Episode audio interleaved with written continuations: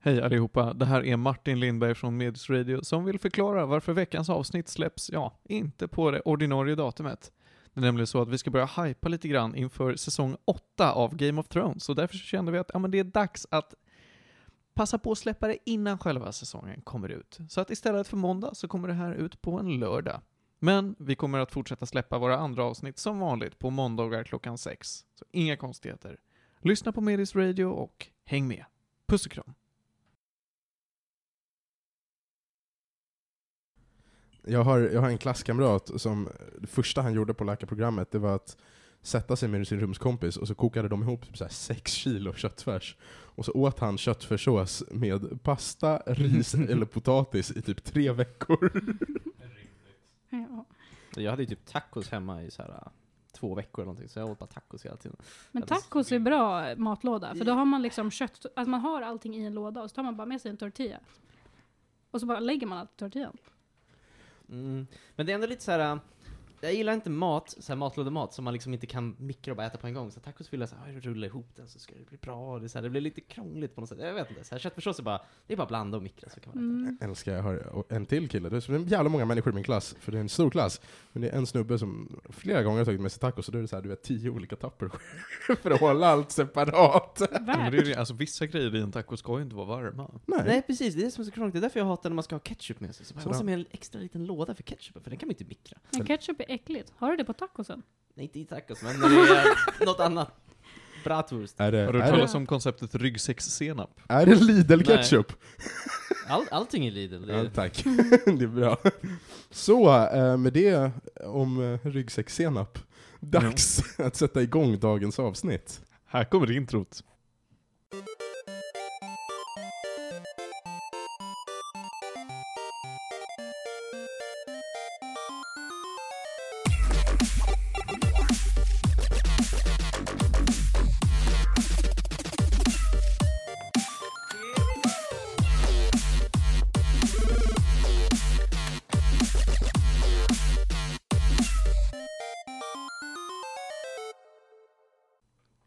Och vi välkomnar till ännu ett fantastiskt avsnitt av Medis Radio Trendigt Värre. Podcasten om all typ av möjlig fin och fulkultur, där vi idag ska bjuda på en massa Game of Thrones, tyvärr.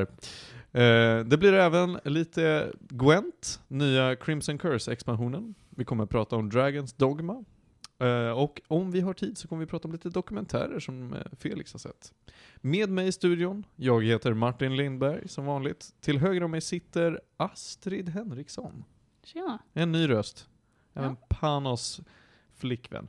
Det är, hon, hon är här på väldigt speciella termer idag. Jag har nämligen utsatt henne för sju säsonger av Game of Thrones. Till höger om Astrid så har vi Felix Eder. hallå? Och slutligen såklart Panos Tetufexis. Som vanligt. Ja, absolut.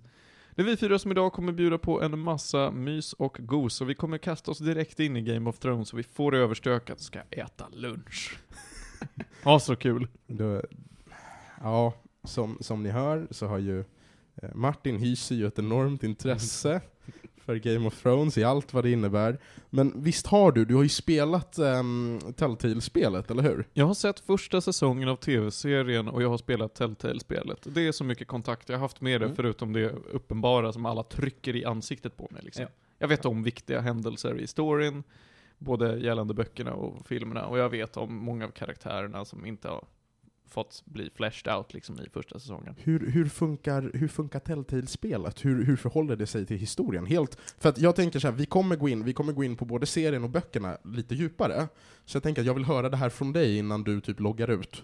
Precis som att eh, se- tv-serien inte är helt kanon med böckerna, så är inte spelet helt kanon med eh, någondera, men det är lite kanon. Eh, det handlar om familjen Forrester, eller House Forrester, eh, som finns i, jag vet att de är omnämnda i, minst i böckerna. De är med i böckerna, de, nim, de är nämns, de är en av de mindre familjerna tror jag. Ja, det är en av de mindre familjerna. De är liksom, vad ska man säga, underfamiljer Mm. och mest chillar med ja, alla, alla handa delar av de olika familjerna runt Mm. om i Västerås. Ehm, och ja, alltså du får helt enkelt spela som olika familjemedlemmar på, i olika delar av världen och ja, eh, bevittna deras historier. Eh, Det är ju mer fokus på, som jag nämnt tidigare för dig Panos, att det är mer fokus på själva händelserna och mindre fokus på, på själva intrigerna mellan familjen och draman, utan det är mer interna grejer. Eh, och det var ju någonting som tilltalade mig mycket mer än just det stora politiska dramat som sker i Game of Thrones. Mm. Annars så är det som vilket Telltale-spel som helst. Ja, jag, jag vet inte, jag har, jag har ändå fått lite den känslan att konceptuellt är de verkligen copy-paste, de Alltså, där Telltale-spelen. ja, alltså mer eller mindre. Och det är någonting som funkar för mig i alla fall. Ja, alltså de, det- vad jag förstått Tills, är de, tills de är, Minecraft. Ja, men de är ju i alla fall fett välskrivna så att det... Ja, men ja. Alltså det, jag tycker det här inte är något undantag. Det är fett välskrivet. Mm. Det enda problemet som jag minns att många hade var att de karaktärer som många alltså har liksom en relation till från resten av det stora Game of Thrones-universumet, som ja, Tyrion Mm. Lannister och allt vad de heter, Ramsay Bolton, vi kommer ihåg är med i det här Telltale-spelet, de Mm. kan ju inte påverkas i spelet. Det, det går ju inte Mm. för att det ändå ska vara kanon till resten Det var det jag sätt. hörde kritiken att det liksom, de faktiskt stora karaktärerna har ingen, påverkas inte någonting av det du Nej. gör liksom. Men för mig som inte bryr mig, eller vet alldeles för mycket, så spelar inte det någon roll. Jag vet inte hur viktiga de är för Mm. den stora storyn. Utan jag bara, ja men det där är en karaktär jag känner igen lite grann. Undrar vad den personen hittar på. Hmm. Så det är väl det jag har, det är om detta. Schysst. Felix, Mhm. vill du ta och introducera Game of Thrones till de lyssnarna som inte vet? Okej. Ja, Game of Thrones, eller A Song of Ice and Fire, som bokserien heter, är ju, vad ska vi kalla det? Jag vill, jag vill nästan kalla det för ett kulturfenomen nu. Alltså det känns som att det här är den största alltså serien som alla pratar om, som alla ser sen, ja men typ sen såhär Sagan om ringen eller någonting. Jag kan inte komma ihåg riktigt, nu var inte jag jättegammal när de filmerna kom ut, men jag kan liksom inte komma ihåg sen en gång det var så, för varje säsong så skulle det komma ut så stor hype vad, liksom, ting, vad som ska hända. Och Game of Thrones är ju helt enkelt ett fantasy-epos, skulle jag typ kunna kalla det för. Som utspelar sig på, åh gud vad heter kontinen kontinenten heter Westeros, världen Mm. heter något annat, jag kommer inte ihåg vad världen heter. Jag tror inte vi vet inte om det har... finns ett namn på den. Nej, vi har inget tydligt namn på den. Nej, för det finns Westeros och så finns det en annan bredvid som heter. Essos. Precis. Och Game of Thrones utspelar sig i, det finns ju liksom inte en huvudkaraktär, utan det handlar liksom om, i hela Westeros så finns det massor olika, alltså det finns en kungarike med en stor stad, men sen är hela kontinenten uppdelad i sju olika riken va? Mm, för att, för att kungadömet är ju The Seven Kingdoms. Seven Kingdoms, så heter det, just det. Och där har vi liksom, varje är väl, de styr lite över sig själva liksom. Det finns The North, det finns liksom Dorn som är längst i söder, det finns massa emellan. Och alla de är lite olika på vissa sätt. Och alla liksom styrs av en, liksom en kung i Kings Landing som är liksom huvudstaden i hela stället. Och serien och böckerna följer helt enkelt massa olika karaktärer som är liksom utspelar sig på olika ställen i världen. Det är i alla fall till en början väldigt mycket fokus på The North, med Winterfell, där vi får följa många av karaktärerna i familjen Stark, som är liksom den stora familjen som styr i det riket. Men också på många andra ställen. Vi får se Kings Landing, vi får se familjen nu vill jag säga Lancaster, jag menar Lannister. Och vi får följa, Lancaster är den historiska familjen den är baserad på. Eh, och, den, och så får vi följa folk på andra kontinenten, Essos, vi får följa liksom olika Dothraki som de heter, som är en slags hästfolk. Alltså det finns extremt många olika sidor man får läsa om och Mm. se i serien samtidigt. Bara för att jag totalt har glömt nu, i Essos, den här platsen man måste alltså åka båt till, det ligger någon Ja, det är annanstans, rätt långt Och, bort. och då, ska du, då ska du över The Narrow Sea, och The Narrow Sea är alltså i historisk kontext brittiska kanalen. Jag förstår. Det är typ Frankrike. Ja. Det är jättekul för att såklart, eh, eftersom det ändå det är väldigt centrerat kring The Seven Kingdoms, är det så sjukt jävla roligt att det såklart är Frankrike som är bebott av barbarer och slavägare. Ja, Frank, det är, liksom, det, är så här det hemska stället där alla de här uh, historiska grejerna har hänt som varit väldigt dåliga. Men det som i alla fall jag tycker Game of Thrones är lite, görs lite speciellt är att det är skrivet på ett sätt, nu tänker jag för sig mycket på böckerna, är att det är skrivet på ett sätt som, det känns som att det är liksom historieböcker. Det har jag alltid tänkt att varje gång jag läser, det känns som att jag läser om typ Englands historia, eller liksom ett fantasilands historia. Det är liksom inte att du följer en protagonist på det sättet eftersom det handlar om så olika personer. Vilket jag tycker är väldigt kul, för att liksom i varje bok så har du i början är det typ fem kartor, så här, här är alla de här olika ställena, här är alla de här städerna. Och sen i slutet så har du liksom så här, för varje familj så här är det så här 20 sidor om hur alla sen familjen grundades, vad alla heter, vad de är gifta med, vad deras barn heter, hur de är släkt med varandra.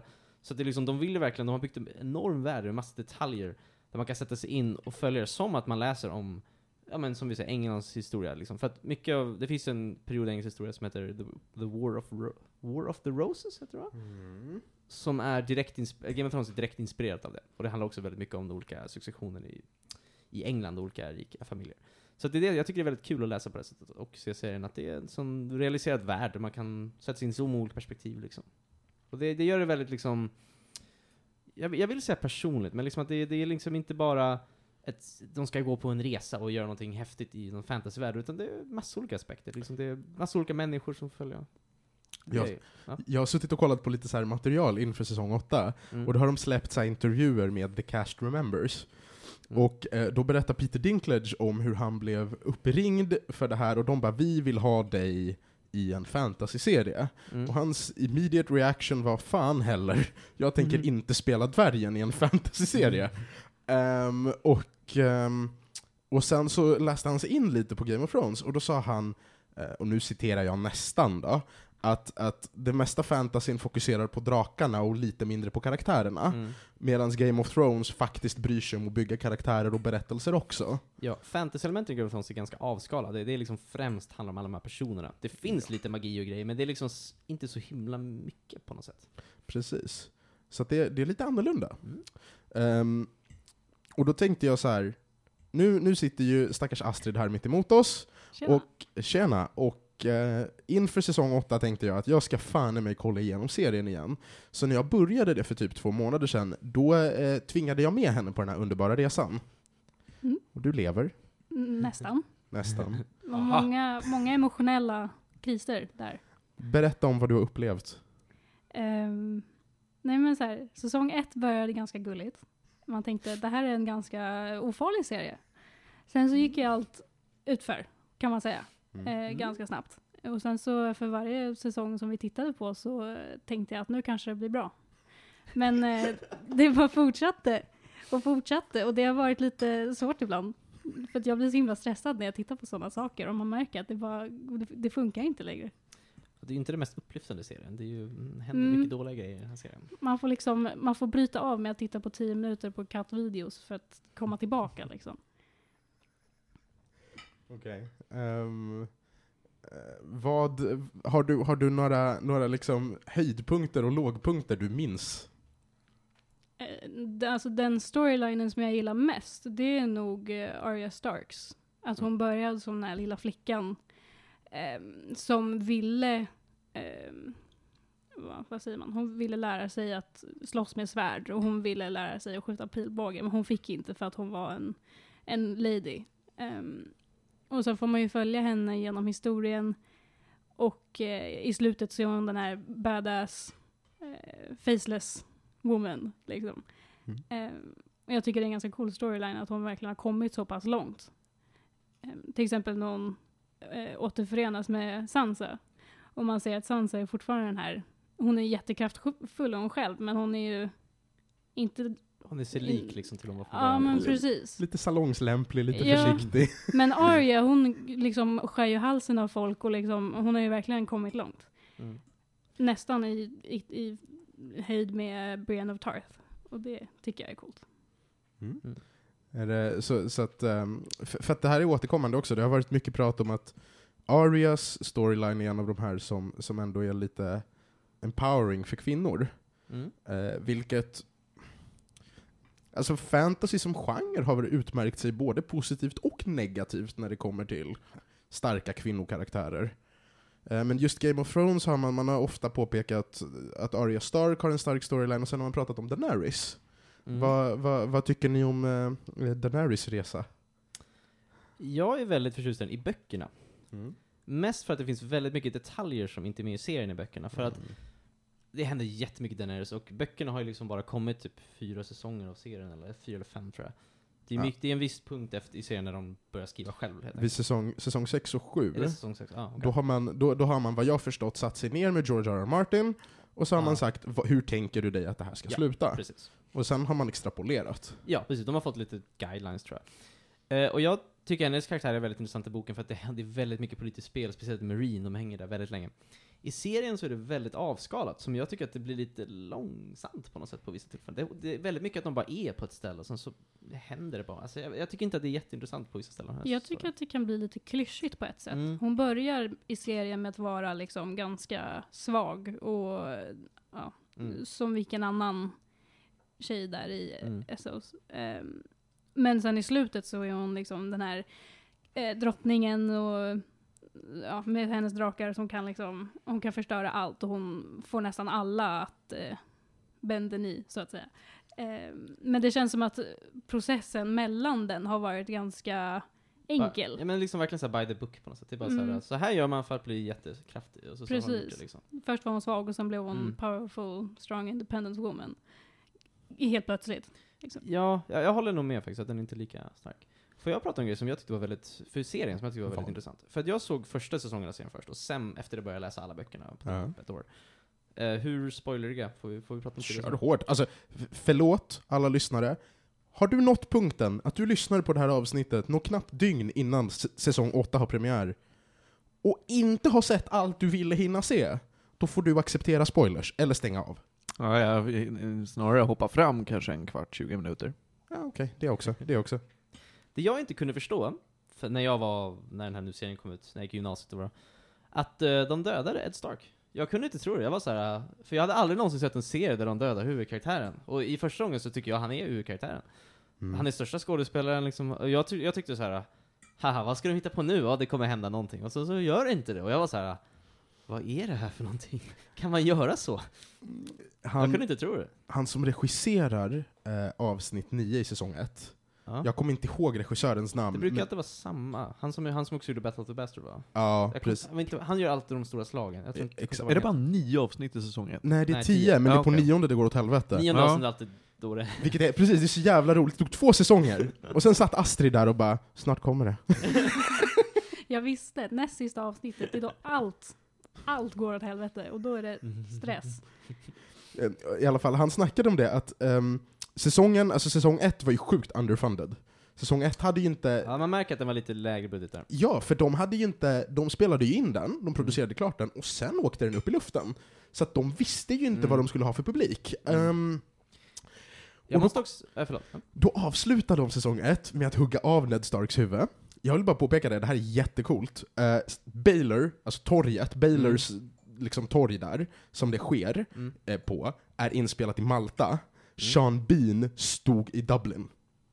Scenen är spelad på två olika platser. Är det så? Ja, så att hans huvud, då, då har de en, dock, en huvudlös docka i Malta, Mm. som Lynn Payne svingar svärdet framför. Mm. Och sen har man på riktigt ställt Sean Bean i en green suit framför en green screen i Dublin. Oj. Och pannat kameran runt hans huvud så det ser ut som att det rullar. Det är liksom, så låg budget hade de, de flög inte ens honom till Malta. Ehm, poängen i alla fall att de gör det. Och sen inser de att, shit, vi har dödat Ned Stark. Ja. Som är liksom, det var ju Sean Bean som var ändå en väldigt känd skådis på den tiden jämfört med alla andra som var med ändå. Ja, ja det, det, är väl, det är väl i princip han och Tywin Lannister, Charles Mm. Dance va? Alltså, Det är de som hade karriärer innan. vad he, uh, Gud, nu tappar jag bort namnet. Jason Momoa också. Jason Momoa, men jag tänker också... eh, Åh gud, eh, vad heter han? Jag tar helt bort namnet. Lannister... Jamie. Är- han, Nikolaj- Nikola... West- Han, ja, Ja. han, som är, han är ju från Danmark tror jag. Mm. Ja, men han, är ju också, han har ju ändå inte varit internationellt känd på samma Nej, sätt. jag har sett honom i vissa danska filmer faktiskt. Mm. Men jag vet inte annars har jag sett. Men dog Ned Stark i boken? Ja. Ja, det gör han. Så då visste de ju att det skulle komma. Ja, det är bara att, Mm. det, är, bara att det, är, det är fortfarande ett strategiskt jättedåligt drag när man vill lansera en serie. Och, och jag kunde inte tro det, och det fick mig liksom att se att Game of Thrones var den serien där att det det är också sant i böckerna också, att liksom ingen karaktär var säker på det sättet som att oftast de har, mycket personer har plot armor när man läser grejer, att det är klart, det är som att man ser typ Star Wars, så bara, det är klart de inte kommer dö, alla huvudkaraktärer är på samma skepp, så här, de kommer klara sig. Men i Game of Thrones liksom fanns inte den säkerheten på något sätt, vilket jag tyckte var jätteintressant Mm. i både böckerna och serien, för man visste inte vad som skulle hända. Det de också hade, det de hade som var så speciellt, eh, har jag läst om, är att när säsong 1 ärade, så hade de en massa polls online, där folk fick prata om vilken karaktär de sympatiserade med. Mm. Och då var det verkligen att oavsett ålder, socioekonomisk bakgrund och intresse av fantasy, sympatiserade alla med Ned Stark. Ja, men han var Han var liksom schysst. självklar! Ehm, s- så att det har varit... Det finns väldigt få goda karaktärer i Game of Thrones, så han var liksom en av dem. Så, Tormund. Vad sa du? Tormund. Han är bra grejer. Och han kändes också som en sån person som de skulle döda ganska snabbt. Han är norrman va, tror jag? Ja, Ja, han är han, norrman. det är han. han är, jag, jag var, ett tag var jag rätt jävla säker på att han som skådis spelat i Vikings. Men sen dubbelkollade jag det och det kan han ju inte ha gjort. Alltså de spelades ju inte typ Mm. exakt samtidigt. Eh, men men han, är, han är härifrån. Han Tror ser du ju ut som halva casten till Vikings. Ja. Han skulle ju kunna vara med. Jag vet inte, tror han brukar åka på så här. jag har sett att han har skrivit att han är på typ release i Norge, när de släpper säsongen, så brukar han vara och kolla med fansen typ. ja. Han, Jo men det, det, tycker jag, det tycker jag ändå är så kul, för att man tog, man tog en, en liksom internationellt erkänd bokserie, mm. för A Song of Ice and Fire är en internationellt känd bokserie, Första boken kom ut så här 96 eller någonting, och de har släppt fem böcker sedan dess. Så det är så här, hållit på jättelänge. jo. Ehm, och, och så gjorde man en europeisk produktion. Europeisk produktion. Den är ju i princip helt europeisk. Jaha. Det är HBO som producerar, Ja. men casten är ju till 95% Det är europeisk. Inspelningsplatserna är bara i Europa. Vi har Ja. Spanien, vi har Kroatien, vi har Malta, vi har Skottland, vi har Island. Det är liksom... Ja, det är ju sant. Och jag tycker om det. Alltså, det jag tycker är jättekul också är att liksom från att alla de här ganska okända skådespelarna har faktiskt alla, i alla fall jättemånga har blivit, fått ganska stora, liksom fått bra karriärer sen dess också. Det är väldigt kul att se liksom växa fram på något sätt, och man ser dem i andra filmer, och att de är med på många sätt liksom. Det är liksom Sansa Stark är ju nu Dark Phoenix i de nya X-Men-filmerna till exempel. Det är, så här, det är kul att se dem få nya roller och liksom ta lite mer plats. Det, det är han, han som spelar eh, Samuel Tarley. Mm. Snackade om det, det är så jävla roligt. För det är verkligen, det är verkligen så det har funkat med de flesta av dem. Ehm, han har ju... Han sa det, han bara jag gick på en scenskola som hade väldigt mycket fokus på scen. Mm. Eh, så att vi hade tre timmar kameraövning, och min fjärde timme framför kameran var första avsnittet av Game of Thrones. Ja men, men samma med Maisie Williams som spelar Arya. Jag, lys Ja. jag lyssnade på hennes TED-talk när hon snackade om något annat, men då sa hon också att hon hade ju... Hon Typ gjort Vart på grej. en audition Ja men innan. typ, eh, knappt någonting. Det var... Har Maisie Williams gjort ett TED-talk? Ja, hon släpper någon app hon. Jaha, Det okej. är inte, inte relativt till Game of Thrones. Nej, jag förstår, jag förstår. Det var rätt bra. Ehm, men ja, så att, så att, och det, det, det är verkligen, jag tycker, jag tycker Game of Thrones har varit Alltså Game of Thrones har varit primexemplet av hur bra fantasy kan lyckas till, ut mot den allmänna publiken om man gör det rätt. Ja, precis. Alla som jag känner som liksom ändå tycker det är intressant med fantasy har börjat kolla på den och tycker om den liksom. Alla rekommenderar till det så här som faktiskt har någon slags intresse för det, har alltid så här, wow, sätta sig in i det och verkligen tycker jättemycket om det. Mm. Så det, det är verkligen så här, ganska bra, alltså det har funkat ganska bra liksom, det har gått bra för dem. Men okej, vänta. Vad, Astrid berättade att hennes favoritstoryline är att följa Arya. Vad är din favoritstoryline i serien, Felix? I serien. Jag, ja, jag måste nog säga Tyrions, tror jag. Mm. Men det är också min i böckerna också, men det är för att det är min favoritkaraktär. Mm. favoritkaraktär. Som också är, jag läste- såg det, det är också alla fans favoritkaraktär. De gjorde en omröstning om. Mm. Eh, jag tycker om det väldigt mycket för att, jag tycker nog mest om honom i säsong två och bok två tror jag, när han liksom blir Kings Hand i Kings Mm. Landing och faktiskt äntligen får göra sånt som han, är- han är ju väldigt duktig på allt det här, på att styra, och han får ju liksom aldrig riktigt chansen att göra det. Och i säsong två så får han ju faktiskt göra det, och man får liksom se hur bra han är på det, vilket jag tycker är jättekul. Eh, sen så är det också väldigt intressant att se vad som händer med sen, men det är väl det. Och egentligen också Arias, fast mer i böckerna än i serien. Jag tycker att den är mer välgjord i serien, i böckerna. Mm. Jag, jag är också, jag är extremt förtjust i Tyrion. Ja. Tyrion är den enda anledningen att jag läste Bortom bok två. Oj. Jag, jag uppskattar den storylinen jättemycket. Mm. Sen har de, de har ju missat jättestora delar av den i, i serien. Ja, ja, men jättemycket av serien är bortskuren. Ehm, och, och det är synd. Vad, vad är våra lägsta punkter då, i serien? På vilket sätt? Vad, vad är det du... Serien. Vad, vad, precis, vad är det jobbigaste som har hänt? Alltså liksom sämst tänker du som i kvalitet alltså? Nej, nej, nej. nej. Nähä, Jag tänker, vad är det emotionellt jobbigaste Mm. ni har varit med om? För mig var det nog, um, hette den The Red Wedding? Mm. När, De- när. Rob och, eh, vad hette hon, mamman Stark? Caitlyn. Ka- ja precis, Kathleen Stark. Mm. När de blev uh, avrättade där. För man kände, det, man kände sig trygg. Och sen Ja. tror jag att det var näst sista avsnittet också. Så det var typ före jag insåg att allting skulle gå åt skogen. Jag, jag tror att det också är min punkt. För jag vet att jag såg det avsnittet, jag visste att det skulle hända, men jag såg det avsnittet med en kompis som inte hade sett det. Jag bara så här Mm. väntade, jag bara det här kommer bli kul. Och det är så här, det, det vänder ju sånt, de dödar ju så många viktiga karaktärer på ett sånt brutalt sätt. Det är nästan värre i serien än i böckerna, hur det visas upp Mm. liksom. Och det, Men det som, det som jag tyckte var bra Mm. efteråt, det var när Arya kom tillbaka och dödade Walder Frey i samma rum. oh, Filch. Ja. Ehm, Vaktmästaren. då mådde man bra. Men eh, ja, det kanske inte var värt att lida igenom The Red Wedding för att komma till den punkten. Jag, jag är lite nyfiken på en grej här. Jag har ju då, jag har ju inte sett Red Wedding, men jag vet ju vad det är för att för det första har jag spelat spelet, och för det andra så är jag en människa som existerar. Så att alla vet vad det är för någonting. Eh, det låter på er som att man verkligen inte ser det hända. Alltså jag kunde ju se från en mils avstånd att det där var på väg att hända. Ja, ja, de kommer slakta alla som är någorlunda viktiga, eh, som är där. Gjorde du det? Jag visste precis att det skulle. Det var, så här, det var inga konstigheter. Har de dödat så många som de har dödat hittills, ja, då är det bara att köra. Ja, jag tycker... Och jag bryr mig inte! jag Ingen tycker, av dem där är värd att bry sig om! Jag tycker de gör det mycket tydligare i, alltså så här, i serien, för att serien trappar alltid upp på ett linjärt sätt, eh, än vad det är i boken. Boken Det, det känns ju för sig rimligt. För att i boken, är det, i boken så är det inte i slutet av boken, det är mitt i boken. Ja. För att de har splittat den säsongen mellan två. Så det, det händer, det är bara något kapitel, bara ah, bröllop. Oj, det var inte så bra. Typ. Alla så- blev så- slaktade. Ja, typ. The end. Nej, vänta, inte alls. Livet fortsätter. Nej, och så, nästa, ja, precis. Så att, ja, absolut. Men det är också så alltid, de bygger upp det som en säsong, att i nionde avsnittet då är det alltså klimax på säsongen. Så då, jag kan förstå det, men jag tyckte ändå, även när jag läste det och när jag, också när jag såg det, jag tyckte det var väl, man blev väldigt påverkad det. Var så här. mm. Ja, alltså, jag vet inte, Martin, du kanske... För många kanske inte det lika mycket är en överraskning som ändå bara en tragedi. För det, det kan jag förstå. Men, men eh, det var ju, alltså fr från vad jag hörde, när, när den säsongen kom ut och jag fick höra folk diskutera Har du sett Red Wedding? Har du sett Red Wedding?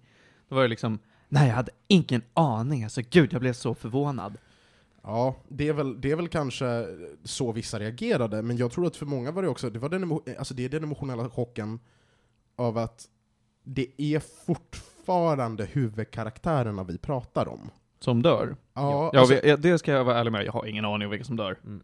Inte den blekaste. Det- de har fått följa liksom. det, det, alltså det är familjen Stark, och det är familjen Stark man bryr sig om. mm. Mhm. Ehm, så att, så att det är ju, alltså serien, precis som böckerna, börjar med en outlook av att man ser, man, om, man, om man tänker sig att okej, det kommer komma ut sju böcker i den här serien, eller det kommer komma ut åtta säsonger, eller vad som helst, då är det nog familjen Stark som kommer vara de goda rakt igenom.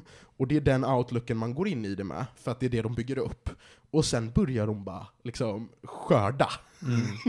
Så det, det blir omöjligt att de kan vara det, för att det finns till slut knappt några ursäkta, kvar. Ja, det, det är i alla fall så det känns. Det blir, det blir förtvivlat. Det Mm. blir, alltså det, jag vet inte. De, eh, de har gjort det bra i alla fall. Mm. För, att, för att även, det, det är ju liksom, även folk som har läst böckerna går ju från det avsnittet skärrade. Och då vet man ju vad som kommer hända. Ja, jag kommer ihåg att det är så himla snyggt gjort också, för de använder sig av Reigns of Castamere-låten som liksom är lite symbolisk för det. Jag tycker bara själva, rent filmiskt, det är väldigt snyggt hur de gör det också. Att det är liksom hur de långsamt stänger dörrarna, man bara mer och mer orolig, bara någonting är inte rätt här, för går runt i bakgrunden, vad vad är det som händer? Och sen så, så händer det grejer. Alltså så här, det, jag tycker det är ett väldigt snyggt inspelat också som avsnitt. Mm. Jag, jag tänker bryta trenden. Jag tycker, ehm, jag tycker det absolut jobbigaste är när Cersei spränger The Sept of Baelor. Jag var inte så påverkad det, och det var inte som i böckerna. Jag kan också tycka, då, då kunde jag känna att, ja, ah, där dog de. Men Vad är The Set of Baylor? The Sept of Baelor är eh, Kyrkan den, i- den enorma kyrkan, deras domkyrka i Kings Landing. Okej. Och eh, det, det Cersei gör är, för att hon, hon har råkat bjuda in religiösa fanatiker i huvudstaden. De har i princip tagit politisk makt över stan. Ehm, så när de alla befinner sig samlade där för att hålla hennes rättegång inför Gud, så spränger hon hela kyrkan i luften. Och Tyrell, Margaret Tyrell också va? Ja, och Margery och Loras Tyrell. Mm. Margery är ju Ja, hennes... men det vet jag vem det är. Ja, det är ju liksom drottningen. Ja. Ehm, och till följd av det begår hennes son, kung Tommen, självmord. Mm. Ehm, och jag tycker, jag, tycker inte så här, jag tycker inte den är specifikt jobbig för att jag bryr mig jättemycket om karaktärerna. Jag tycker den är jobbig för att det är, eh, det är den slutliga vändpunkten bortom vilken Cersei aldrig någonsin kommer kunna vara en, en bra karaktär igen. Mm, fast jag tyckte nästan kanske hade hänt lite tidigare också. Ja, jag vet inte, jag, jag förstår vad du menar, liksom, att Mm. nu hon kommer aldrig, kan aldrig redeema sig själv efter det här liksom. Men en grej som jag tyckte var väldigt kul är att en av också mina favoritkaraktärer är, nu vet, nu vet jag, Reek, det är Theon va? Mm. Greyjoy. Reek. Ja, precis. För att det roliga är att, det här är så här, det är lite annorlunda i serien, men i böckerna när man läser om Theon, han är en karaktär som från början, liksom, han växer upp med Stark, så han är liksom inte riktigt, han är inte en, han är liksom en captive sen tidigare. Men i alla fall, han gör ju lite dåliga grejer lite senare. Och så då börjar man säga, ja, men nu tycker jag inte om honom så mycket längre. Och sen så i böckerna så försvinner han i typ två böcker. Mm. Och sen så i typ så här bok fem eller någonting så börjar man läsa om en ny karaktär som heter Reek. För att det är bok, så man vet ju inte hur han ser ut. Så man bara, han är bara någon fånge. Så man, liksom, man, så man läser liksom 500 sidor med, han är med då och då. Och man fattar aldrig att det är Fion. För att han är en helt annan karaktär, han är skriven på ett helt annat sätt. Och han är liksom inte någonstans där han var tidigare, för man tror att han har varit död eller någonting. Och sen så visar det sig bara, vänta, var är Fion hela tiden? Och han, liksom, han går runt och tror att han är en hund och liksom håller på. Och det var, det var så intressant att se hans utveckling. Och jag tycker också i serien är det väldigt bra gjort. Han som spelar honom, kommer jag inte ihåg vad han heter, han är väldigt, väldigt bra skådespelare tycker jag. Och det är så intressant att se hans utveckling genom hela serien och se liksom vad han går från. Liksom, han har så mycket utveckling genom hela, alla säsongerna. Så det är också en av höjdpunkterna tycker jag, att bara följa den storyn. Hela storylinen med Ramsey Bolton tycker jag är, alltså Mm. den är ju så hemsk. Mm. Men jag tycker den tillför ganska mycket till serien, för man, Mm. man, det, man får ju verkligen ett perspektiv på allting. Jag tänkte först att, okej men Joffrey Mm. är en av mina, alltså ja, de karaktärerna jag avskyr mest. Mm. Men sen tror jag nog ett tag där så tog Ramsey den första platsen. Ja, men den gör det på ett ganska så bra sätt, för han tar ju vid lite grann när Joffrey dör ungefär va? Det är någonstans där, så han blir den Mm. nya antagonisten, vilket jag Absolut, och där är också skådespeleriet är väldigt duk- alltså han är en väldigt bra antagonist på något sätt, vilket gör det väldigt kul att se. Men han har liksom, han har ett gulligt leende. Men det blir så äckligt i serien, för man vet ju vilken vidrig människa han är. Ja, och man tror ju från början att han är schysst, typ. för man, de visar ju upp det på sätt som, ja men han hjälper dem. Gud vad snällt. Mm. Oj, oj, oj. Martin, Ja. det där, var, det där var den charmigaste motsvarigheten till K-bry jag någonsin hört. Ehm, Nej men alltså jag, Ramsey Bolton har jag hört ska vara ett riktigt jävla rövhål och från vad jag sett, han är ju ganska mycket med i det här spelet då. Oj oj oj. Han är ett Mm. riktigt äckel. Mm, för att visst är det så. Vad jag, jag, vad jag förstår, för att familjen Forrester, eller klanen Forrester, eller vad man ska kalla dem, Mhm. de, är ju, de är ju Norden. Det är, Ja, de en, är under Winterfell tror jag, det är ett av husen svurna till The Glovers. Och The Glovers samarbetade med The Boltons? Frågetecken. Eh, för att de var tv- tvingade att göra det. Ja. Det var det ju för var- att Boltons tog över från Ja, Starks. Japp. I princip. Så, att, så att det är väl ganska rimligt att man får se en stor del av den historien. Ja. Och slippa The South, typ. Ja. Mm. Jag gillar att du får faktiskt ett, ett eh, det kan jag ju säga för att det är ingen spoiler, du får ett tillfälle att försöka döda Ramsey Bolton i spelet. Kan man göra det? Nej, Nej. det kan du inte göra. Men du kan försöka. Se vad som händer, det kommer gå till helvete. Alltså på samma sätt som alltså, avsnitt 9 alltid går åt helvete, så avsnitt 4 av Mhm. det här då, spelepisoderna, då går det åt helvete. Oj, oj, oj. Mm. Nej men okej. Ehm, vi, vi har etablerat höjdpunkter och lågpunkter. Ehm, några nämnvärda karaktärer hörni. Han den där Ned Stark är trevlig. Ja, han den där Ned Stark är trevlig. Um, Varys. Varys. Varys är en av mina favoriter. Mm. För i, i, i säsong ett tänkte man att okej, men han är en snake. Mm. Honom kan man inte lita på. Men eh, allt efter seriens gång så eh, har han ju verkligen eh, förändrats. Man kan ju fortfarande känna att han inte alltid går att lita på, för man vet ju inte vad man har honom. Men man kan ändå ana att han är en bra person. Mm. Mm. Och sen är han lagom sassy också, så Mm. det bidrar ju. Ja, jag, jag gillar Varys. Jag gillar också hans liksom, koppling till Littlefinger, eller Peter Baelish. Mm. Han heter så, ja. De Mm. båda två, liksom, hur de båda håller på att skriva. En karaktär jag är väldigt förtjust i, speciellt i serien, är Jamie Lannister. Mm. Just, jag är väldigt mycket också på grund av skådespeleriet, men det är väldigt kul att se hans utveckling genom hela serien. Hur han, han är också en karaktär som väldigt, förändrar sig väldigt mycket. Mm. Från, från hur han börjar till vad han är nu. Liksom. Mm, och jag, jag tycker verkligen, jag, ehm, jag har gång på gång blivit positivt överraskad över Nikolaj Gostervaldau. Mm. Alltså på riktigt. Han är väldigt duktig skådis. Ja. Extremt. Um, Han, är, mm. han är gift med en grönländska. Jaså? Finns det Finns folk sådana? Ja, precis. Eh, finns det folk på Grönland? Tydligen. det, jag, det jag mer tänkte, jag tänkte så här. det finns ju en karaktär från böckerna som man inte har fått med Strong Belvas? Vad sa du? Strong Belvas? Nej, inte det hållet jag håller på går. Jag tänkte Lady Stoneheart. Oh, ja, det, det är faktiskt, om det är någon grej som jag tycker böckerna, eller serien har missat, är att de inte har med Lady Stoneheart. Ja, för att de, eh, lite sent, men ändå fick de ju med, de fick ju med Benjamin Stark. Ja, Och hans återkomst. Snabbt, men han var med, det var ju nice. Ja, det, det var trevligt. Jag, jag tycker om hela det här konceptet med att det också finns goda zombies. Mm. Jag gillar det. Förlåt Äh. va?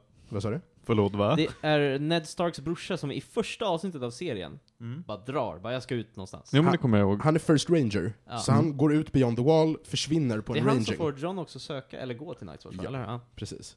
Det Så är han, första avsnittet, första säsongen. Jo men det kommer jag ihåg. så han försvinner. Mm. I böckerna kommer efter ett tag en karaktär tillbaka som alltid har en djup luva och svarta fingrar. Mm. Och det tar ett jävla bra tag innan man ens kan börja koppla ihop att Ja. det liksom potentiellt skulle kunna vara Benjamin Stark som är back from the undead. Mm. Vilket det är. Ehm, I serien så väntar de, de väntar typ fyra säsonger. Ja, sen bara dyker. Och sen kastar de in honom, och så kommer han, är badass, tar Mm. av sig huvan direkt, avslöjar sig själv. Tja, Mm. jag är här för att rädda er. Och så försvinner han. Han är typ en god, eh, vad heter de, White Walker typ. Ja. Ja, jag ska inte ifrågasätta, jag vet inte hur konceptet White Walkers fungerar. Det framgick aldrig av, eh, av spelet. De var med, men jag fattar inte hur de funkar. Eh, Eller vad de är. eh, vill, vill du ha den korta guiden? Nej, Det vi, det är vi hinner inte med det. Vi har, ett, vi har ett till program att Vi, göra vi, här tar idag. det, vi tar det efter avsnittet.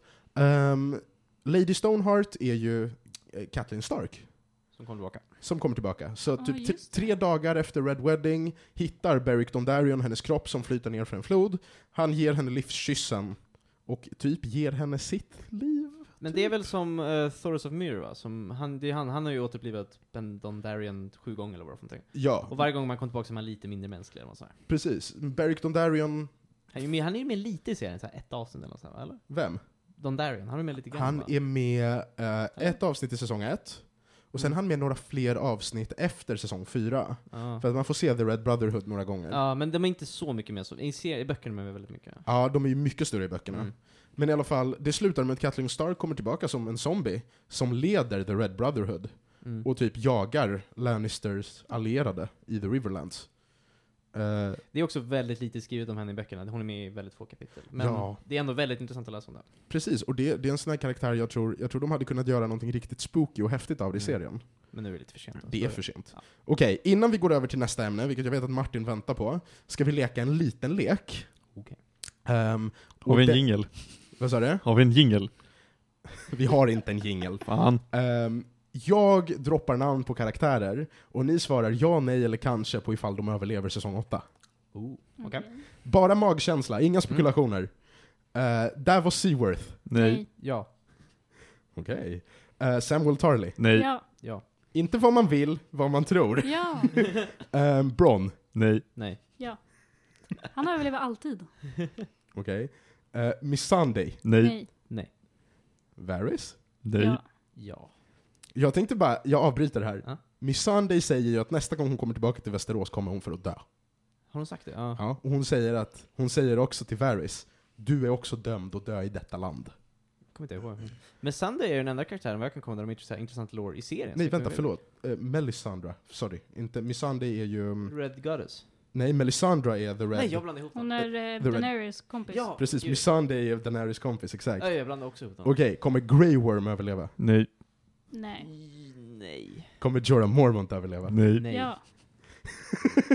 Okej. Och slutligen finns det, det finns ett stort antal teorier Mm. ehm, som säger att Jon Snow eller Daenerys kommer behöva offra sig för att den andra ska klara sig. Vem tror vi av de två har störst sannolikhet att dö? Nej. Tack Martin. Jag vill tro båda överlever, men jag tror Jon Snow kommer dö. Du tror Jon Snow kommer dö? Jag tror faktiskt också det. Ja. Han verkar som en sån som Ja. skulle kunna offra sig för Daenerys. Okej. Jag, kommer, jag kommer att ta lite anteckningar på det här. Mm. Och sen kommer vi tillbaka om typ sex veckor. Och så får vi se hur det har gått. Ehm, jag tror det är det för Game of Thrones för den här gången. Åh, underbart. Tack så mycket för att ni var med i veckans Västerås-rapport. Det här är snart helt från nördigt. Eh, vi går vidare raskt i programmet och eh, vi ska prata lite Gwent igen. Vad är det, fjärde Ja. avsnittet kanske? Jag vill säga femte, alltså Gwent var det i andra avsnittet av Medis Ready pratade vi Gwent. Ja. Sen har vi gjort det fem gånger till eller Ja, gud ja. Alltså det är, jag vet inte vad, vad mycket vi ska, hur mycket vi kan säga om det här. För det enda som har hänt är att det har släppt nya kort. Ja, en liten uppdatering kanske det blir helt enkelt. Ja. Vi kan bara snabbt dra det. Gwent är ju kortspelet som släppt, som är, blev först en minispel i Witcher 3, som sen blev en egen litet spel, och nu kom det ut i beta förra hösten, släppte single player, och nu har första kampanjen, nej, inte kampanjen, expansionen släppts till det. Crimson Curse, som har ett vampyrtema vill jag säga. Det är, inte, det är väl typ fokuset, men alla fraktioner har fått, factions har fått lite olika grejer. Och det är egentligen det mest nya kort som har släppts. Och lite nya mekaniker med dem. Ja, precis. Ja, alltså det finns ju i Gwent finns det fem olika factions. Det finns Monster, Scoia'tael, Northern Realms, Skellige och Nilfgaard. Och alla de är ju olika liksom riken i den här fantasyvärlden vi har i Witcher. Och alla har fått typ, jag vet inte, 15-20 kort eller något sånt här, nya, och en ny leader. Typ. Ja, och jag har ju främst nu bara mest craftat ett vampyrdäck, för att det kändes det var kul att ha vampyrer som suger blod. Så, Team Edward. Detlef? Team Edward. Det- Detlef. But, fan, jag måste få göra en instickare på grund av det. Jag var ju i Norrköping förra veckan, kommer ni ihåg? För Ja. att någonting. För att supa. Ja. Eh, och då, eh, när vi kom dit, så packade alla upp sina grejer. Och då var det någon som höll på att läsa igenom Twilight-serien. På Värt. resan. En vuxen människa år En 2019. vuxen människa. Helt rimligt. Nej, vet du vad? jag tror att när hon tog upp den, alla i hela rummet bara tystnade. Vad fan håller du på med? Mm. Vad är det där? Varför har du inte eldat den ännu? Men d- den viktigaste frågan, Team Edward eller Team Jacob? Team Edward. Okej. Men jag fick aldrig någon försmak för varg. Nej. Tack för att ni kom hit. Vad heter eh, är Team Jacob? Du är Team Jacob. Men de verkar lite varma. Okej. Fortsätt Felix, vampyrdäck. Jag har ju aldrig sett eller läst Twilight. Bra. Inte koll på vad ni snackar om. Ehm, Bra. I vilket fall. Så i Gwent, så att i vampyrdäcket som jag spelar så har man mycket nya vampyrer som de suger blod, de, eh, vad ska man säga, man har en ny row-effekt som heter Blood Moon som gör att man får lite effekter, man får lite boostar och sådär. Eh, sen har vi ju Skellige som har någon slags ehm, kultdäck. De har, de har en björngud typ som de dyrkar. Och då har man massa olika cultists och deras däck går ut mycket på att man ska skada sina kort och därmed boostas. Vilket, eh, jag har spelat lite, det är intressant. Det är roligt. Eh, Skojatel, alltså det är de som är mm, liksom alver och dvärgar, de är liksom grilla gerilla typ. De har lite nya grejer, de har eh, något som heter Harmony som handlar mycket om hur, vad du har för sorts olika kort i din däck, som är ganska intressant. Eh, nu ska vi se, Nilfgaard har ju sina Toussaint-grejer som kommer ganska rakt från Blood and Wine-expansionen till den andra expansionen till Witcher 3. Och eh, jag har inte spelat så mycket än, men de har en ny effekt som heter Assimilate som handlar mycket om att man skapar olika kort som inte finns i sin lek, tror jag. jag Jättebra koll på det. Och Northern Realms har Queen Calan Calanthin, tror jag, som är en karaktär från böckerna som inte är med alls i spelen. Uh, eh, och jag har faktiskt inte koll vad de har för sin effekt. Men i vilket fall, det är nya kort, det är väldigt kul att spela det. Jag har ju, min grej med Gwent, att jag har ju aldrig problem med att jag behöver göra nya kort, för att jag har ju fått så mycket scraps från betan. Jag har fortfarande 50 000 scraps kvar, så jag kan crafta varje kort i spelet utan att behöva köpa någonting. Så det har liksom varit såhär, den grejen, det är, det är väldigt schysst av dem att man fått så mycket resurser, men det finns aldrig problem att skapa nya kort på något sätt. Vilket är lite tråkigt.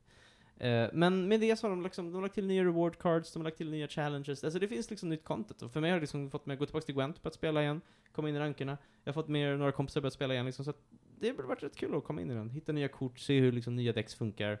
Och stämningen är liksom allmänt ganska positiv just nu. För att, i alla fall liksom, om man kollar på subredditen, och folk är liksom det börjar, det känns som att det börjar gå framåt igen. För att det var lite såhär, när Gwent gick ur betan, det kändes lite svagt. Men nu har de liksom börjat lägga mer grejer på det, det känns mer polerat.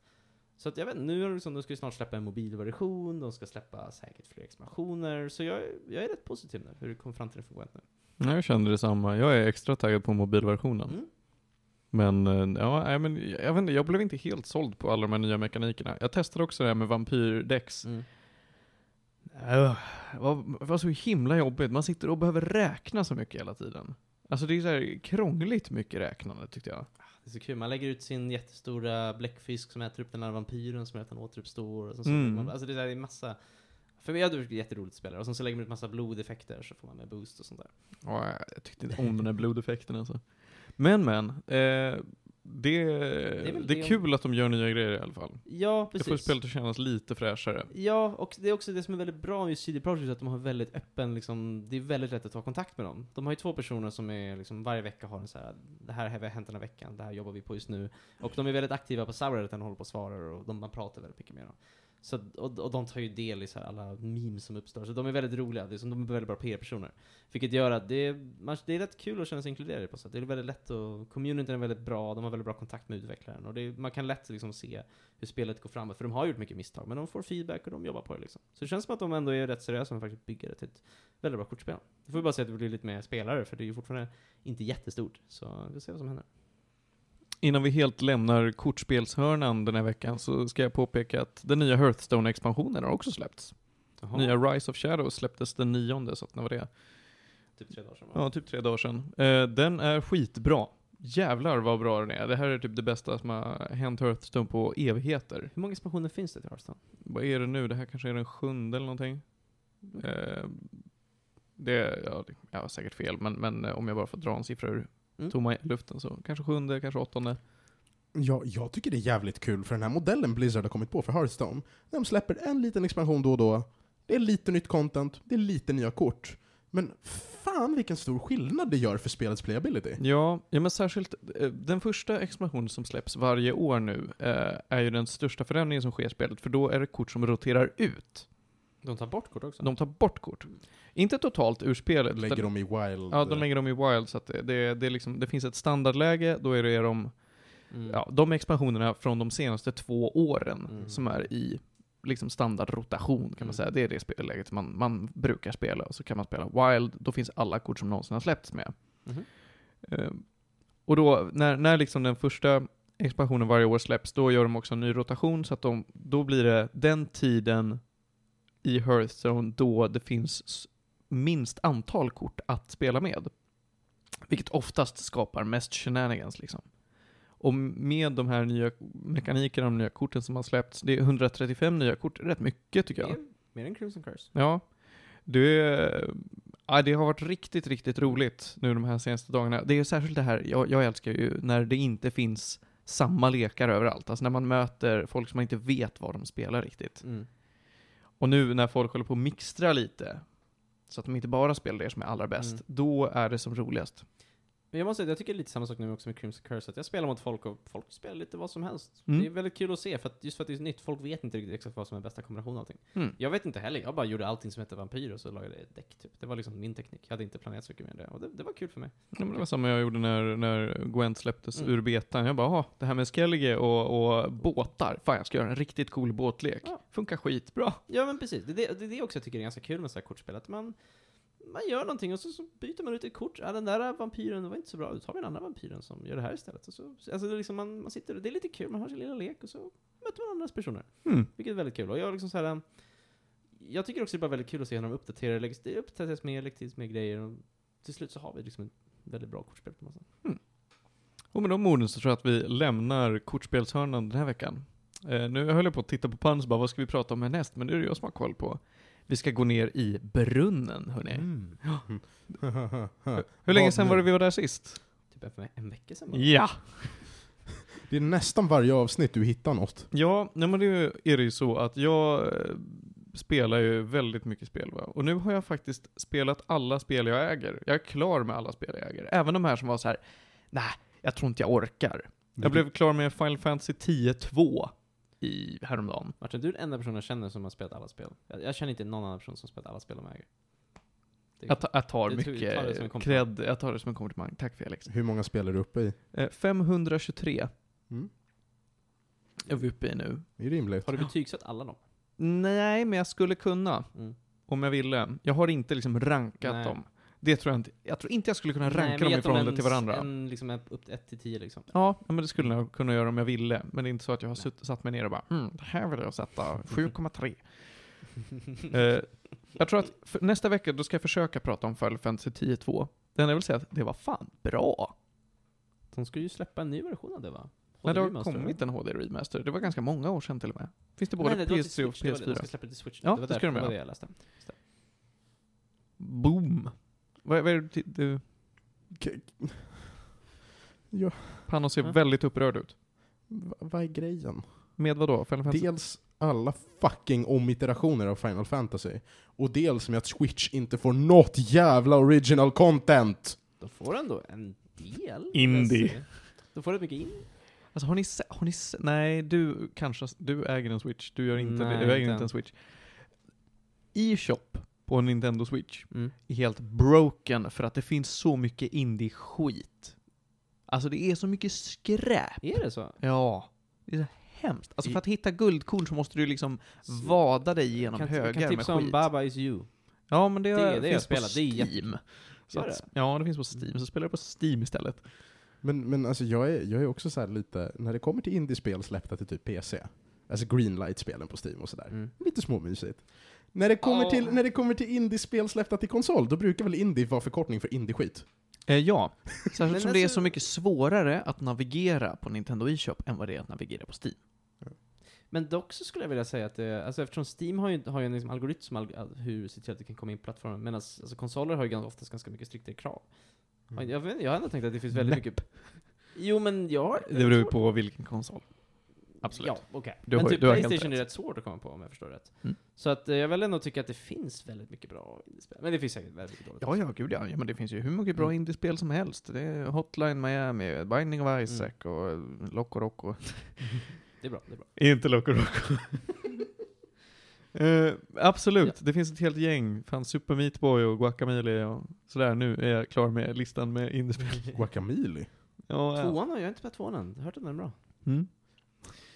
Nåväl, eh, det vi ska prata om idag det är Dragons Dogma. Som egentligen inte är ett indiespel överhuvudtaget, eller något så här brunnen spel. Det är ju släppt av Capcom. Det är väl ett ganska bra spel också, har jag för mig. Mm. Jaha, okej. Ganska bra. Ganska bra. Eh, jag har ju spelat det här med helt fel förutsättningar. Jag körde ett PS3. Som har fått väldigt lite support. Det har inte fått The Definitive Edition, eh, så vitt jag vet, som heter The Dragon's Dogma Dark Arisen, och inte fått så mycket uppdateringar. Vilket gör att det här spelet kom ut, jag tror att det kom ut 2012, ser ut som 2008. Det alltså rent, med, alltså när man spelar så känns det som 2008. Det, det bara har inte åldrats så bra. Men när jag tittar på folk som har spelat det på sin PC, hottat upp det med lite moddar, de har eh, fått bra updates och de har framförallt då spelat den här Dark Arisen. Eh, då jävlar, då ser det bra ut. Då känns det som att det skulle kunna vara riktigt bra. Men, vad är då Dragon's Dogma? Ja, eh, det finns en drake i det här spelet. En. En drake? En drake. Det finns en hel del wyverns, men det finns en drake. Och definition, skillnaden mellan wyverns och drake här är... Drakar har fyra ben, eh, wyverns har två. Tack! Mm. Det är bara den klassiska. Ja. Nice. Mm. Jag, jag gillar sånt. Ja, varsågod. Eh, du spelar som en, ja, namnlös karaktär, du, du döper dig själv helt enkelt. Som är någon jävla dude i en liten fiskeby. I ett litet medeltida rike. Och så kommer en stor elak drake och anfaller din by. Och så blir du bränd, men du dör inte. Varpå folk bara 'Herregud, du blev bränd men du dog inte' Fan vad coolt! Man drar en Daenerys Targaryen liksom. Ja men lite så. Eh, nu, du är ju en jävla eh, chosen one. Så att du kan ju av någon jävla anledning kommunicera med någon andevärld och grejer. Och du bara, men jag är ju en jävla fiskardude, what the fuck? Mm. Eh, varpå du går, du, det är otroligt mycket traskande i det här spelet, det kan jag säga. Du, eh, det är ett third person hack and slash RPG av något slag. Jag får lite Monster Hunt-vibbar av det. Sure, sure. Det Mm. ser lite Monster Hunter ut. Mm. Eh, du traskar till en, ja, den enda stora staden som finns, som är, av någon jävla anledning, Grand Soren heter den, just det, Grand Soren. Eh, som låter som att det är taget från Västerås. Eh, där du eh, snackar med liksom det, det lokala grevskapet typ och bara Tja, jag är the chosen one. De bara, ah, okej okay, cool. Gå ut och slakta monster eller gör något vettigt. Den här draken, den är oskön.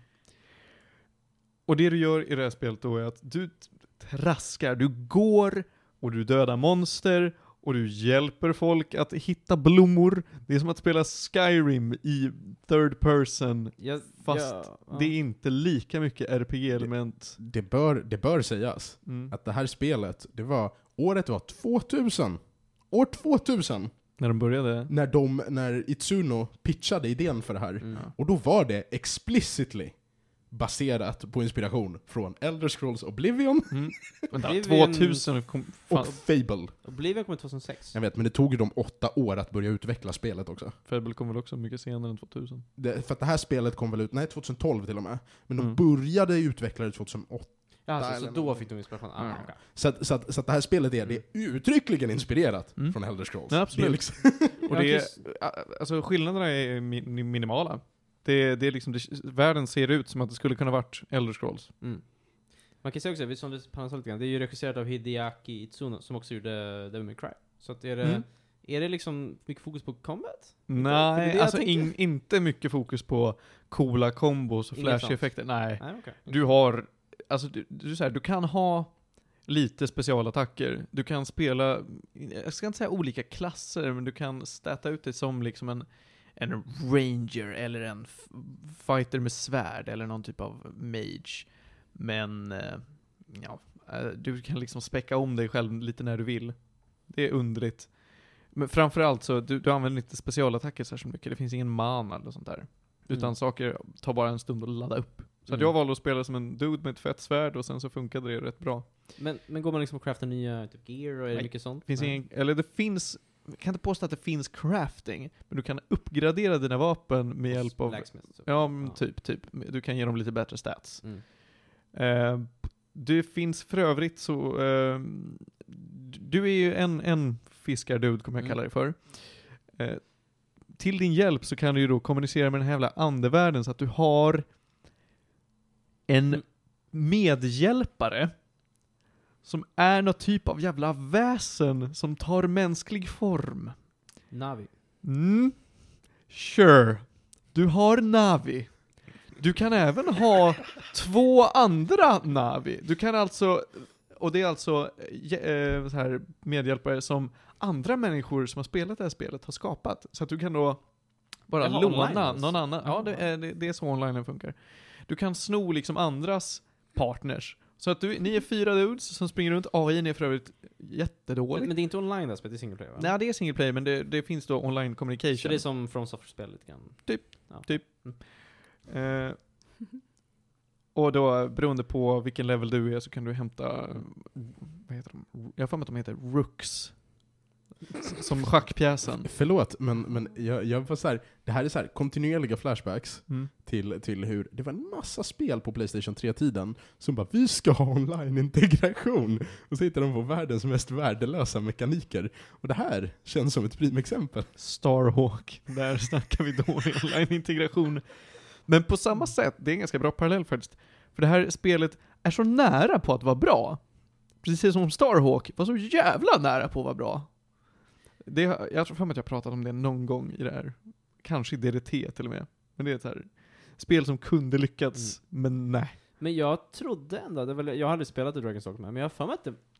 Alltså det- När det kom ut var det väl ganska så, inget jättebra, men det, var, det hade potential på något sätt. Det hade potential, det har fortfarande potential. Och det finns många som säger att ah, men det här är liksom bättre än Skyrim enligt mig. Mm. Och jag förstår hur de tänker, men det är bara, jag tycker inte att det funkar mekaniskt. De Vad är har, det som får att sticka ut? Vad är det som... det ska jag är- förklara. Mm. Det är en del av combaten framförallt, som Okej. känns jävligt cool. Och det är att man slåss mot mycket stora monster.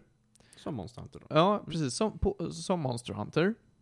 Eh, och framförallt då, vi, vi tar... ehm, vad fan heter det nu då? Kommer inte jag ihåg. Vad är, vad är? Nej, nej, nej, nej, inte alls. Utan jag försöker komma på, det finns ett mytologiskt väsen som är en tredjedel lejon, en tredjedel Ah, get och en tredjedel orm. En kimera. Okej, Chimera. Ja, Chimera. en kimera, tack. Eh, Eller en kimär. Kimär på ja, svenska. Ah, ja, fortsätt. inte samma sak som en chimär. Hörde Eh. från Bamse. Mhm. Fair enough. En kimär, du, säg att du möter en sån, alltså det finns monster som bara vandrar runt. Eh, lite randomly i den här världen. Den är, den är inte jättestor, men du går väldigt långsamt. Du kan inte sprinta särskilt långt, och den är... Ah, Du kan ju inte, alltså det finns fast travel, men den är så Mm. begränsad Mm. så att det alltså... Som man spelar. Men hur många speltimmar? Ja, 40. Hur många av dem är, är travel? 30! Mm. Dun, Ungefär. dun, dun, Det är dun, mycket så här, vandra från ena sidan av kartan till den andra fram och tillbaka. Men det här var en bra grej du pratade om just Ja, nu är jag på väg att prata om något bra nu. Vi säger att du möter en kimär. Då är det så att varje del av den här kimären har sin egen health bar. Mm. Alla anfaller på olika sätt. Mm. Och, och alla liksom delar av kroppen kan också, du kan liksom bryta benet på den så att den börjar halta och blir svagare på det sättet. Och bla, det jag tycker är bland det mest coola är att du kan hoppa upp och grabba tag i det mesta. Cool. Alltså det, även en liten goblin som du möter kan du liksom grabba tag i. Så att du kan klättra upp på den och försöka, precis som i Shadow of the Colossus, Jag- jag hitta fick- wake spots. Nice. Så att om vi, vi möter, säger att du möter en cyklop istället då, Mm. eller vi tar den här kimären igen då, du klättrar upp på det jävla gethuvudet och börjar bonka på där, Mm. ordentligt börjar du slå på det här. Och då skadar du mycket, mycket mer än om du bara skulle stå och lite mindlessly Mm. eh, slå på fötterna eller någonting. Och det är nice. Det känns jävligt fett när ni är liksom fyra små, små nissar Mm. som håller på och då försöka ta ner någonting stort och, det, och du ändå påverkar genom att klättra upp högst upp på cyklopen och börja stäba den i ögat eller någonting. Låter ju kul. Det, det är kul, det känns rätt mäktigt. Det är bara... Det är typ det som är the Mm. selling point. Questsen är skit. Storyn tycker jag fan också är skit. Finns det något fokus på typ karaktärer, intressanta dialoger? Nej. Nej. Lite grann. Alltså det finns, det finns någon, eh, alltså det finns lite, lite coola karaktärer I guess, men det, det, de är så få och så utspridda att jag Mm. slutar bry mig. Um, Hur är... Craftingen suger, pengasystemet är jättekonstigt för du kan grinda items och eh, pengar bäst du vill. Liksom. Det finns jättemånga olika sätt att göra det på som inte känns Hur, ja. bra. hur är världen? Hur är liksom exploration? Är det kul Nej. att vara i den här världen? Ah, okej. Nej, den ser, ser väldigt bland ut. Ehm, jag, jag har ändå så här. Metacritic har gett den en 78 Mm. vid originalrelease. Mm. IGN gav den en 7,5 och Dark Horizon har fått kontinuerligt över 80 av de 100 på olika plattformar av Metacritic och IGN. Och är ditt problem med spelet att det har åldrats dåligt eller att det faktiskt är dåligt komponerat på många sätt? Det är nog mest att det har åldrats dåligt alltså. Det är nog mest att det har åldrats dåligt och att det känns som att det inte, alltså det, det jag stör mig på är att det känns som att det finns potential som inte utnyttjas. Men Dark Horizon, var det Det var Definitive, Ja, Edition okej. typ. Jag vet inte vad som ingår i det. Alls. Men, men kan du tänka sig att om de gör en, upp, om de gör en uppföljare typ nu, skulle det här kunna bli ett riktigt bra spel? Om de Ja. liksom förbinar, kon, förbättrar konceptet och håller på nu liksom, skulle de kunna Ja, göra någonting? absolut. Ja. Skulle de ändra hur, hur lite av förmågorna fungerar, skulle de ändra hur craftingen fungerar, lite om hur Mm. grindingen fungerar och sånt där, så tycker jag att det finns tillräckligt mycket pusselbitar för att göra ett kanonspel. Jag Mm. hade ju ändå kul när jag spelade. Hade det bara gått snabbare tror jag hade njutit mycket. Kul, för att de är precis klara nu med, med vad heter han, Hideaki Titsuna, precis klar med Devil May Cry 5. Mm. Se vad de hittar på sen. Dragon's Dogma 2, kom, nu kör vi. De släppte ju ett MMO baserat på Dragons Dogma. Mm. Dragons Dogma Online, ett MMO till bara PS3 och PS4 och sen några år senare till Windows. För att det är så man gör spel och lyckas. De, de, de, ska ha fått, de ska ha fått två miljoner downloads första dygnet. Det är jättebra för Det ett är- MMO. Det är riktigt Är riktigt. det Sen- aktivt nu eller? Nej, det har ju obviously dött ut. Men Ja, är det World of Warcraft? Nej, då har det dött. Det håller också på att dö, så att det... Oj, oj, oj. eh, Astrid är nog den enda runt det här bordet som fortfarande engagerar sig i WoW. Ibland. Nej. Nej, precis. Eller alltså jag går in och rider min mount ett tag och sen loggar jag ut. Det är inte kul med andra ord. Ja, Jag önskar ju att jag hade lust. jag vill ju vara jättetaggad på WoW liksom. Det är bara att det är inte bra längre. Mm. Ah, ja. Nåväl, jag tror att jag är ganska klar med att förklara Dragon's Dogma. Du ställer ju mycket bra följdfrågor på det här då, Felix. Och jag tycker ändå att det finns potential, det bara håller inte hela vägen för mig. Men jag förstår de som Mm. sitter i sina Reddit-forum och tycker att det här är kanoners. Ja, men jag har hört lite grann på andra podcasts jag lyssnar, folk har sagt så här, kollar tillbaks på det med liksom, har bra, har bra liksom, tankar om det liksom. Mm. Så här, det var en grej. Vill du ge några gäddor? Det är lite svårt. Jag tycker spelet är lite svårt. Det är, Jag hade inte svårt att ge, okej. ja. Ja, alltså bara... bara Orättvist svårt eller Nej, att du måste lära Du, dig? det, det är så svårt att det blir lite grindigt Ja. till slut. Men, men är det här, det här kanske, för nu kommer de, de kommer ju släppa Dark Hori- Horizon på Switch. Ja. Ska de göra det? Ja, då kanske, om, om de nu har vampat upp grafiken lite, vilket vi håller tummarna för, På Switch. på, ja, eh, på Switch. Det är relevant, eh, Men det är ändå lite bättre. ändå. Mm. Eh, för det, det går fortfarande att göra det bättre än PS3 2008 liksom. Ehm, då kanske det här är ett spel som drar nytta av att återuppväckas en gång till. Kanske. Jag vet inte. Jag, jag tror inte jag är rätt person att säga det. Eh, jag har verkligen spelat det med dåliga förutsättningar. Jag hade nog jag hade nog gett det här över sju gäddor om jag hade spelat det på PC. Hur långt är det? För att jag frågade inte förut. Wow, det beror på. Det på finns det? flera olika slut. Man kan, alltså, Men hur lång tid hade du ner på det? eh, det finns ju ingen tidsmätning på Mm. PS3, men alltså kanske 30-40 timmar. Okej, det var långt alltså. Ja, det var långt. Eh, framförallt så, som Panos sa tidigare, det är ju 30 timmar springa. Ja. Springa och döda lite harpies och goblins längs med vägen. Alltså jag vet inte hur många gånger jag spr- sprungit mellan Grand Soren och startbyn. Fram och tillbaka och fram och tillbaka. Usch. Mm. Usch, usch, usch, usch, usch. Ja. Det får... Jag vill säga att, ska jag ett så här skevt betyg? Tycker ni det? Ja. Det kan få ett riktigt underligt betyg det här. Det får gränsvärde underifrån. Limens. Mm, Limes går mot 6,7 gäddor. Det här var riktigt KTH. Så att det är inte uppe på 6,7, men det är fan nära. Det går mot oändligheten nära alltså. Det gör det. Där har ni det. Dragons Dogma, mina vänner. Alltså, så här, ska jag det? Nej. Det var det, jag höll på att säga det. Även om, om du skulle vilja rekommendera den så kommer ingen ta det som en rekommendation när du säger det sådär. Nej, nej, men det gör jag inte heller. Alltså, så här, finns ju roligare spel som jag tycker ni ska spela istället för det här. Det är inte ens så att det är så här, har ni inget att spela, spela det här. Nej. Nej. Ha, har man inget att spela? Amalur, Reckoning. Nej, då sätter ni er och spelar Zero Escape. Mm. Eller Gwent. Vi traskar raskt vidare. Eh, Panos, hur lång tid har vi kvar? Vi har en liten stund, så nu Ja. blir det dokumentärdags. Det blir Jag, tänker om vi dokumentärdags. ska, jag kan börja med en och så om vi hinner kör vi båda. Mm. Ja men visst. Jag har nu sett back-to-back, de, jag lärde mig det efteråt, att de två Oscar-vinnarna av bästa dokumentär, både 2017 och 2018 tydligen. Men titta. Jag visste inte när jag såg dem, men tydligen så var de bra dokumentärer. Vilken jävla fullträff. Ja, det var mest att de fanns på Viaplay och bara, huh, ja, okej. Eh, jag ska börja prata om Free Solo, som vann Oscar för bästa dokumentärfilm 2018, alltså fick priset 2019 då. Eh, och Free Solo är producerad av National Geographic, och det är, vad ska man säga, det är dokumentären om friklättrare i USA. Jaha. Och friklättrare är ju en eh, extremsport där man klättrar på berg utan någon slags säkerhet. Man klättrar bara. Eh, ja, så där känner jag mig också ungefär. Som Jag är så himla jävla höjdrädd, så jag ja, sitter jag här, jag får panik. Okej, så man får välja, följa en person som heter, oh, vad heter han nu? Alex Honnold eller någonting tror jag han heter. Och han är så väldigt så här excentrisk person, han bor i sin bil, han åker runt i olika nationalparker i USA. Börjar bra det här. Ja, Bor han- i sin bil och hänger i nationalparker. Ja, Han är en hippie. Ja, han äter inget, han är liksom, åker runt, han lagar... Inget. Jag skulle säga att han är, han är vegetarian och har Mm. så här, han lagar, han lagar lite mat i bilen liksom. Det är lite, han har ett väldigt simpelt liv. Eh, Ska jag inte säga. Men han åker runt i olika nationalparker och så klättrar han. Han klättrar väldigt mycket med linor och säkerhet, men han gör, gillar också friklättring. Och det är en av hans här, hobbys. Och då är det så att den här dokumentären, den är nästan, den är så här 1.40 tror jag, så den är ganska lång. Den centrerar kring att han bestämmer sig att han ska göra friklättring för El Capitan. Mac OS X! Va? Är det den? Nej men det är väl, är inte det, det är berget? Ja, det är berget för Mac. Ja! Är det Mackberget? Ja, det är Macberget. Ja, ja, det är det, Det- ja. Mac OS X El Capitan. Ja, El Capitan. Ja, är det den? det är Macberget.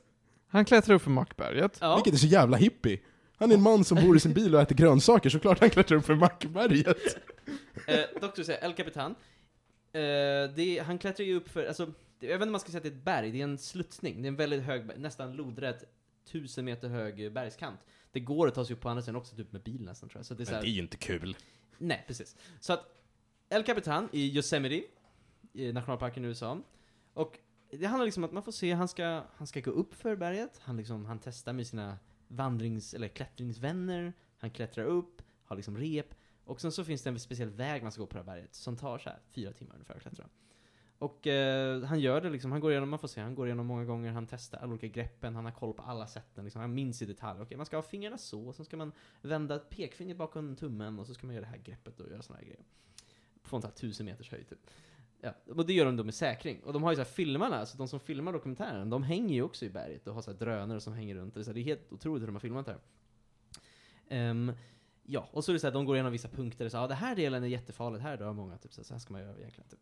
Så det är väldigt så här, extremt. Han säger ja, jag känner ju 30-40 vänner som har dött i så här, olyckor, alltså det är ju den här eller liksom den här communityn som finns kring friklättring är ju väldigt absurd nästan kan man säga. Eh, och man får följa, alltså största fokuset är att man får följa han, han testtränar och man får följa han och hans flickvän när de åker runt. Och hon är väldigt orolig hela tiden och så här. Lycka till nu så här. Ja. Fullt rimligt. Ja. Och man får följa hans, liksom, han har ju så vänner som har liksom barn och familj som åker ner och klättrar också. Så det är så här, det är en, de har en liten community där de åker runt. Eh, det är liksom majoriteten av dokumentären. Det som är väldigt intressant är när han faktiskt gör själva klättringen, för det tar honom liksom flera år att faktiskt göra det här, för att han planerade, varje år så klättrar han upp för berget flera gånger för att liksom räkna hur man ska göra. För det är ingen som har gjort det tidigare och ingen som har gjort det sen dess heller, för att det anses vara livsfarligt. Får jag ställa en fråga? Mm. Dör han? Nej, Ah, Okej. han klarar sig. Det är tråkigt. Det ska vara väldigt tråkigt slut på dokumentären annars. Eh, men, lägger in alla de pengarna så bara, fan, vad gör vi nu då? Kan vi släppa det? Eh, ja, och sen så, det, alltså, Förlåt men jag tänker mig hur bara, han klättrar och mitt i klättringen så bara kör de black screen och så spelar de Rains of Castamere och sen Loving Memory. oh, herregud, det är så jävla hemskt. Men, men okej, han dör inte ja, eh, men det är så här, det är ju slutet av dokumentären som man är där för att kolla på, för det är då han faktiskt gör den här klättringen. Och han börjar ju så här klockan fyra på natten för att han har räknat ut exakt hur mycket solen ska skina och en massa saker.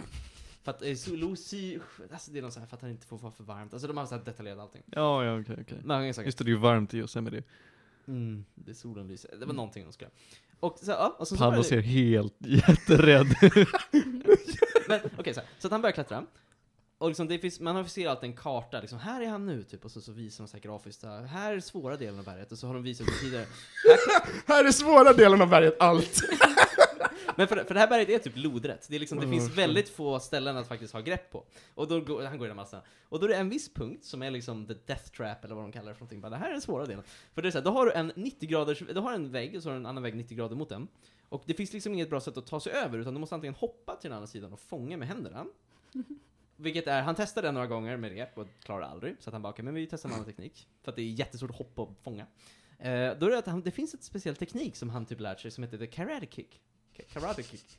Och då är det bäst att man, man hänger där på ena sidan, sträcker ut benet, lodrar på den andra, och så faller man mot den, tar emot med benet som man har utsträckt, och så Mm. bara hivar man upp sig själv. Och det, det gör han, han klarar det. Har han, har han lärt sig det här från Assassin's Creed? Jag har ingen aning. Det är någon sån här klättrargrej. Men grejen är han gör det. Och när han väl gör det live, han bara kollar på drönare och bara Åh, så kolla jag gjorde det. Och så tappar han greppet. Sen dör han, du bara prank oss. Um, I alla fall, så de har vissa delar, alltså så här, det finns absurdaste, det finns ett såhär, nu ska du klättra 100 meter utan att stöd för benen, det är bara att du måste trycka benen så hårt du kan mot bergsväggen och hålla emot med fingrarna för att inte tappa greppet. Det är ju så här 100 meter typ. Så det är så här helt sjukt det de gör. Och film, alltså när man, man får ju följa lite grann när de håller på och filmar, de, de typ kan ju knappt se det, de sitter och bara. För de är så himla nervösa att de ska störa honom, att de, här, om någon nyser typ så bara "Åh", så ramlar han ner. Så att de är sjukt nervösa, de bara hoppas han klarar nu, och så sitter de och kollar och bara "Åh, okej, så här, okej. Men ja, allting det slutar lyckligt. Det är en, liksom en lyckohistoria, han klarar allting. Och det är väldigt, alltså, det är inte att jag blir inspirerad själv att göra det, för jag skulle aldrig göra det. Jag, blev, jag, liksom, jag kunde knappt se det vissa tillfällen. Men det var sjukt intressant att se själva klättringen. Allt annat är väl inte superintressant, liksom, det är kul att se lite grann hur han lever och sådär, men det är liksom, det, det finns en del när han ska gå och köpa ett kylskåp, vilket är ganska kul. Eh, för att hans uh, flickvän vill att de, de ska köpa ett hus, typ någon vecka innan han ska göra klättringen eller någonting. Eh, och då går de och handlar kylskåp, och han köper det verkligen så här. de går in i en stor kylskåpsaffär, och han köper det fulaste kylskåpet, det minsta, han bara 'It's so adequate, it's perfect' Och så tar han det sämsta kylskåpet, det jag tycker är roligt. Den den här, den här dokumentären har alltså fått, under loppet av ett år har den fått 11 stora priser på olika Ja, festivaler alltså, den har och, fått och nominerats till lika många till. Ja, har så här jättebra betyg på IMDB, så den har fått jättebra betyg nu. alltså. Men tänk om han hade dött. Då jävlar. Då hade det blivit Logan Paul all over again. Oj, oj, oj. Ja. Eh, jag vet inte mer vad jag ska säga om den. Jag var alltså, väldigt imponerad. Det var lite tråkigt, alltså lite långsamt man fick följa de här familjen ett tag, men alltså bara för att se själva klättringen är ju väldigt värt att se den. Gäddor. I, nej, jag vill inte göra det till dokumentär. Jag, S- Skulle du säga kolla på den? absolut. Okej. Det finns på Viaplay. Mm. Om man har Viaplay. Vet inte annars var man hittar den. Du hade sett en till dokumentär. Mm, vi drar den också. Mm. Ja, hinner du det? Eh, jag kör den snabbt. Det är en dokumentär som heter Ikaros. Mm. Som här, det här är en väldigt rolig dokumentär. För att här, den här var Netflix-producerad, vann Oscar för bästa dokumentärfilm 2017. Eh, den här handlar om, det börjar som någon slags Super Size Me, fast för dopning i cykler. Mm. För det handlar lite grann, det börjar så om Lance Armstrong, och de pratar om så här. Du får inte tacka nej till en spruta. typ så. Nej men okej. Så att det handlar om att han, så att det, det handlar om en proffscyklist slash regissör som bara, men jag vill testa att dopa mig och kolla hur mycket bättre jag blir typ. Och så, här, så de bara okej, så, så han går till läkare och det, så här, man får följa, han bara, "Ah, glöm inte att ta alla de här sprutorna varje dag, typ så här, ta det här, ta det här, bara okej, och sen så ja. Och hans, själva grejen är att det börjar med att hans läkare säger så ah, på grund av den här publiciteten, jag kan inte riktigt göra det, men jag rekommenderar den här sjukt bra ryska doktorn som du kan av. Som heter Gregory kan bara- Grigori Rodchenkov. Ja, så han precis. Eh, och då bara, hade roligt att de, det börjar med att de ringer honom på Skype, och då sitter han där i bara överkropp och bara Ey! Och så kommer hans fru in och bara, "Ah, är det han amerikanen du ska prata med? Ja, kolla, här är min hund. Så, "Ah, sjukt trevlig kille. Så såhär, ja du ska fråga, men kom igen, jag vet allt om det här. Så. Och han jobbar ju på såhär antidopingskommittén nu i Ryssland. Såklart han gör! Han är, högst, han är högsta, alltså läkaren, överläkaren, eller forskaren på det stället. Hej, det är jag som är Gregory, vi jobbar med eh, antidoping. Jag vill dopa mig. Hey! Men han säger allting du ska göra, han sa tips om vad man ska ta sprutorna, hur man ska göra. Han flyger till USA för att smuggla med hans urin tillbaks så han ska kunna göra prover i labbet. För det är sjukt olagligt att göra det. Så han är såhär, men spara alltid ditt urin, märk det, sätt in i frysen så kommer jag med flyget och hämtar det. Men fall, det här är typ första 40 minuterna, det är inte det vad dokumentären handlar om. Den börjar som det. Sen så bryter hela skandalen om det här med ryska dopningen i OS 2014. Just det. Och då visar det sig att den här äh, läkaren är han som är chefen för allting. Just det, Sochi. Just det. Han har, ju fått order från Putin att göra det här äh, spon, eh, eller vad han, vad, enligt hans utsago, det här sponsrade dopningsprogrammet för ryska atleterna för att de ska ha OS i Sochi. So- Mm, so- Sochi. Sochi, Ja. Och då vill ju, Putin hade då sagt en order att vi, klart vi ska vara bäst för att det är hos oss liksom. Och då hade de liksom tagit fram ett helt program för hur de skulle liksom ett sjukt avancerat program för hur de ska komma runt eh, testerna. Alltså de, så här, de visar, de har de här rummen, så har vi hål i väggen när vi byter ut urinprover, och vi måste ha urinprover från alla med, alltså så här, det, är, det är sjukt komplicerat.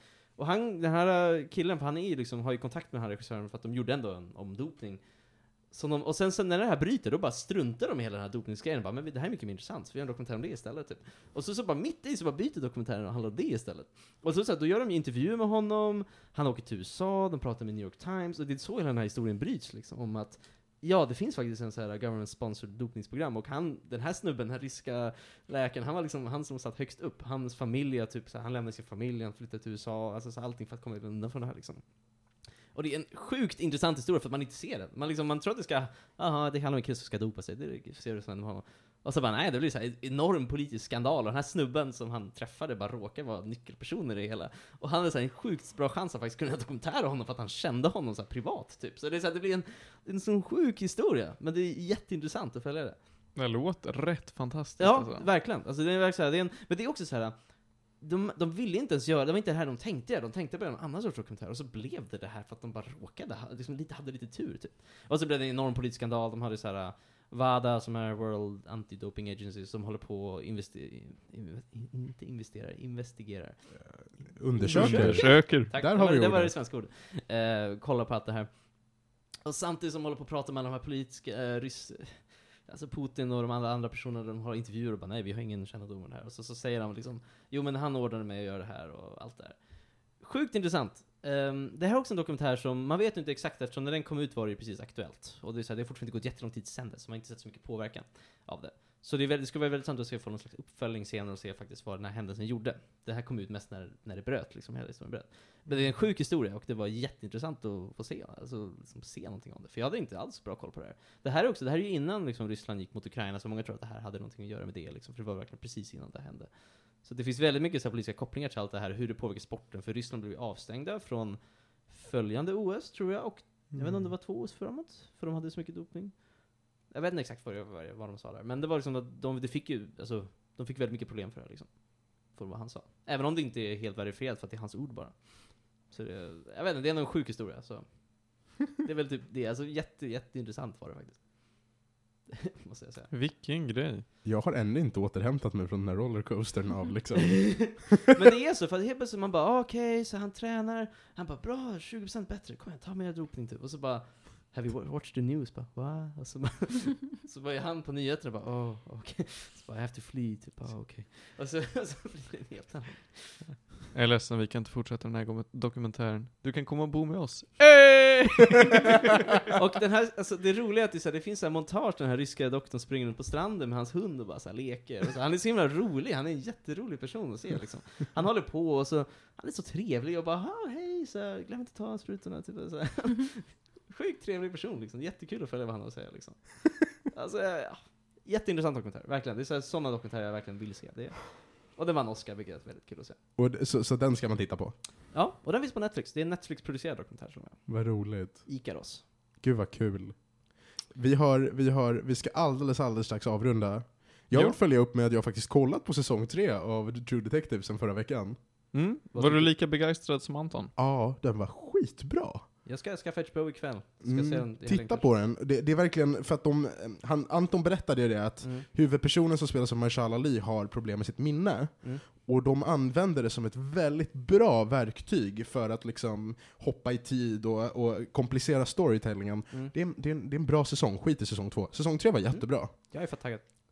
Martin, tre snabba. Ja, men först så vill jag också säga, när vi ändå är inne i dokumentärträsket, säga att vi har ju sett klart Jägarsoldat nu. Ja, vi har kollat klart på Jägarsoldat! Släppte Ja. de sista avsnittet nu? Det är två Ja. avsnitt. De Ja. släppte mer än en timme material för sista episoden.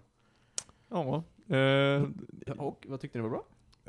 Det är Jägarsoldat. det är Jägarsoldat, det är staten. Alltså det, det här är ju fortfarande så här, jag står fortfarande fast vid att det här är det bästa reality-tvn jag har sett. Alltså jag är beredd att hålla med. Jävlar vad duktigt jobb de har gjort med det här. Det- Jag tror att det är många köttskallar där ute som kommer signa upp sig på att göra minst GMU nu alltså. Mm, det är snyggt gjort. Och den slutar, den slutar på helt rätt sätt. De tar sig igenom den här utmaningen och alla klarar sig och sen är det muck och alla är jätteglada. Och så är det någon jävla stackare som kollapsade 10 meter från porten och han får sin jägargrej ändå. Eh, Vad, vad heter den? Jägarbågen, Bågen. tack. Mm. Och, och, och, och det är liksom, allt slutar väl och nu är de jägarsoldater och kan ta anställning. Och, ja. Ska vi prata om eh, eftertexten? Det sista man får se är ju då alla de här personerna som har varit liksom centrala i dokumentären. Mm. Däribland då min lillebror.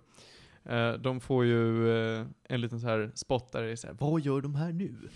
Så står det typ att, ja men eh, Kalle han eh, fortsatte med eh, att jobba ti- deltid på Ja, försvaret. Det är och- många som tar deltid eller heltidsanställning. Precis. Och så står det då att ja, Winston, han tog deltidsanställning och är just nu på Nya Zeeland och arbetar som bartender. Han vill jobba på, eh, jobba som civilingenjör i framtiden. Mm. Absolut Winston, det är det du gör på Nya Zeeland. Absolut. Ja, nej men eh, det, det är i alla fall, hela, hela grejen i alla fall, alltså så här. Nu, jag gillar inte att sprida statspropaganda, men jag tycker det här var fan kul att kolla på. Ja, det är kul, kul att kolla på, så att om ni är en köttskalle så go ahead. Ja. Nej men det var det. Tre snabba Martin. Tre snabba. Den här veckan så har vi ett album, vi har ett spel och vi har en tv-serie. Mm. Veckans album det är det klassiska Jailbreak med Thin Lizzy. Är det ett Mm. album? Det är ett album, det är inte bara en låt, men eh, låten finns också på Mm. albumet då naturligtvis. Mm. Otroligt bra klassisk rockmusik. Rekommenderar starkt, jag älskar Thin Lizzy. Fy fan vad Mm. bra de är alltså. Thin Lizzy är jättebra. Jättebra. Veckans spel, A Way Out. Oh. Det är Josef Fares spel som eh, skulle, det var ett indiespel som skulle se ut och, eh, och vadå, vara ett Mm. AAA-spel in disguise. Som sen bara föll bort helt. Jag Alltså, hade när det jättekul med det spelet när jag spelade första Jag tyckte det var jättemycket om det. Du har spelat igenom Ja. hela? En kompis. Jag Mm. tyckte det var jätteroligt verkligen. Ja, Alltså, okej, kul. Ja, Jättebra jag, upplevelse. jag körde igenom det med, med FX här då. Ja. Men det var kul. Alltså, jag, det är ju bra co-op. Ja, jag, jag, jag, det, det är såna, jag vill se mer sådana spel. Jag tycker det var jättekul. Ty, vad tyckte du om slutet? Jättebra, jag älskar det! Det var så roligt att Ja. bara yes! Jag älskade det också. Hur förhåller det sig till A Tale of Two Brothers? Eh, det är... Jag har Eh, inte spelat det. Ja, du har inte spelat? Nej, jag har det, jag har inte spelat den. För att, för att det är ju det man... Det är eller- mycket mer fokus på karaktär och faktiska relationer. Okej. Mm. Och jag För- tycker det är bra. För att det är det man jämför med. Ja. Det är inte långt. Det är så här Uncharted light vill jag säga. Det, är väldigt, det Absolut. känns som ett Naughty Dog-spel, bara väldigt mycket mindre budget typ. När, eh, ja, när jag spelade det, det här nu, det tog inte många timmar för mig att fixa och klara det. Sex timmar kanske? Kanske, max. Kul spel. Eh, veckans eh, tv-serie är då, för den som inte har sett det, måste ni titta på Firefly.